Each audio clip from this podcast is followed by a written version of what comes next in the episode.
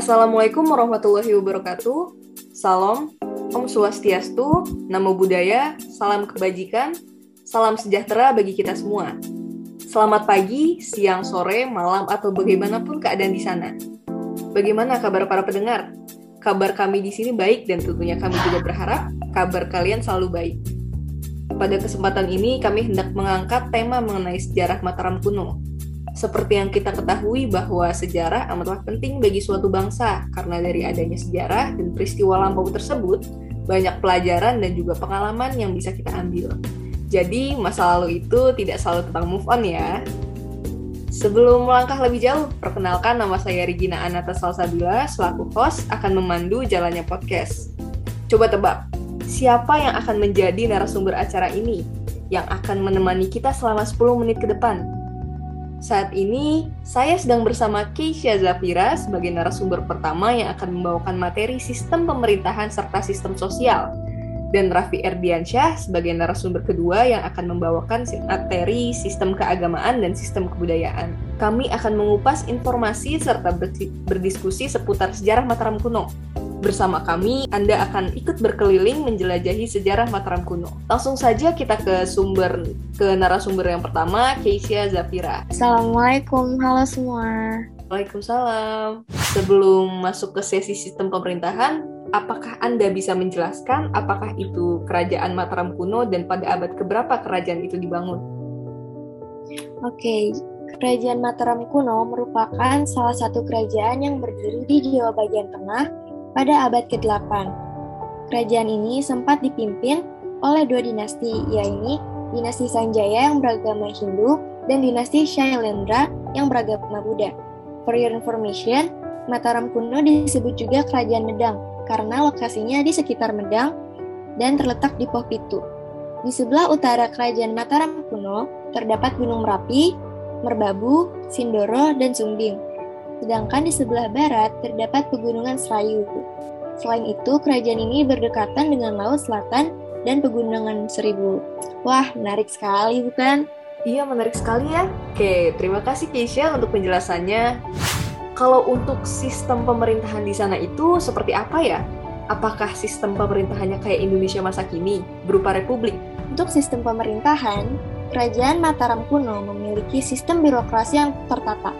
Terdapat beberapa istilah dari sistem pemerintahan kerajaan ini, yakni Rakrian Mahamantri yang merupakan pembantu utama raja, Rakrian sebagai pejabat administrasi, dan Rakai yang merupakan penguasa daerah. Oh, jadi sistem pemerintahan Mataram kuno tidak berbeda jauh ya dengan sistem pemerintahan Indonesia saat ini. Iya, kurang lebih begitu ya, Kay? Ya, benar sekali. Tidak jauh berbeda dengan sistem pemerintahan Indonesia saat ini. Oke, setelah pembahasan mengenai garis besar pengertian sejarah Mataram kuno dan sistem pemerintahan, selanjutnya bagaimanakah sistem sosial dari kerajaan Mataram kuno? Dalam aspek sosial sendiri, kehidupan masyarakat di kerajaan Mataram kuno jauh dari konflik meskipun memiliki dua dinasti dan pemerintahan dengan agama yang berbeda.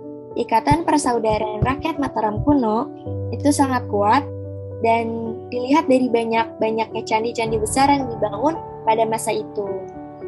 Oh iya, eh, kerajaan Mataram kuno juga menganut sistem kosmologi, yaitu menjadikan raja sebagai penguasa tertinggi dari penjelmaan kekuatan dewa di dunia. Seluruh kekayaan yang ada di tanah kerajaan adalah milik raja, dan rakyat wajib membayar pajak pada raja. Sebaliknya juga, raja harus memerintah secara arif dan bijaksana. Tadi disebutkan bahwa banyak candi-candi besar yang dibangun. Uh, candi apa aja itu? Candi, contohnya yang saat ini bisa kita lihat dan namanya cukup terkenal, yaitu ada Candi Borobudur dan Candi Prambanan. Oh, jadi seperti itu ya? Iya. Terima kasih Keisha Zafira atas uh, penjelasan materinya. Sama-sama. Selanjutnya kita akan beralih ke narasumber kedua, Raffi Erdiansyah. Untuk sistem agama dari Mataram kuno, kuno bagaimana? Karena seperti yang kita ketahui bahwa pemerintahan kerajaan ini memiliki agama yang berbeda. Jadi tercatat terdapat tiga wangsa atau dinasti yang pernah menguasai kerajaan Mataram kuno, yaitu Wangsa Sanjaya, Wangsa Sailendra, dan Wangsa Isana. Raja pertama kerajaan Mataram kuno adalah Sanjaya yang juga merupakan pendiri bangsa Sanjaya yang menganut agama Hindu beraliran Siwa. Setelah wafat, Sanjaya digantikan oleh Rakai Panangkaran yang kemudian berpindah agama Buddha beraliran Mahayana. Saat itulah bangsa Sailendra berkuasa. Pada saat itu baik agama Hindu dan Buddha berkembang bersama di kerajaan Mataram kuno. Mereka yang beragama Hindu tinggal di Jawa Tengah, bagian utara, dan mereka yang menganut agama Buddha berada di wilayah Jawa Tengah bagian selatan. Wangsa Sanjaya kembali memegang tampuk pemerintahan adalah anak raja Samaratungga. Pramodawardhani menikah dengan Rakai Selatan yang menganut agama Hindu. Sementara Wangsa Isana sendiri merupakan wangsa baru yang didirikan oleh Empu Sindok. Apakah ada bukti bahwa Wangsa Sailendra yang beragama Hindu tinggal di bagian utara, sementara yang Buddha di bagian selatan? Tentu ada. Keluarga Sailendra yang beragama Hindu meninggalkan candi-candi di Jawa bagian utara Candi-candi tersebut meliputi kompleks candi di pegunungan, di pegunungan Dieng dan kompleks candi Gedong Songo. Sementara itu, keluarga yang beragama Buddha meninggalkan candi-candi seperti Candi Mendut, Ngawan, Pawon, dan Borobudur. Baik, kalau dari aspek kebudayaan, bagaimana kebudayaan di Kerajaan Mataram kuno? Kehidupan budaya masyarakat Kerajaan Mataram kuno banyak menghasilkan karya yang berupa candi. Sumber dari Kerajaan Mataram kuno ialah prasasti Canggal. Prasasti Canggal ditemukan di kompleks Candi Hindu di, di Gunung Wukir.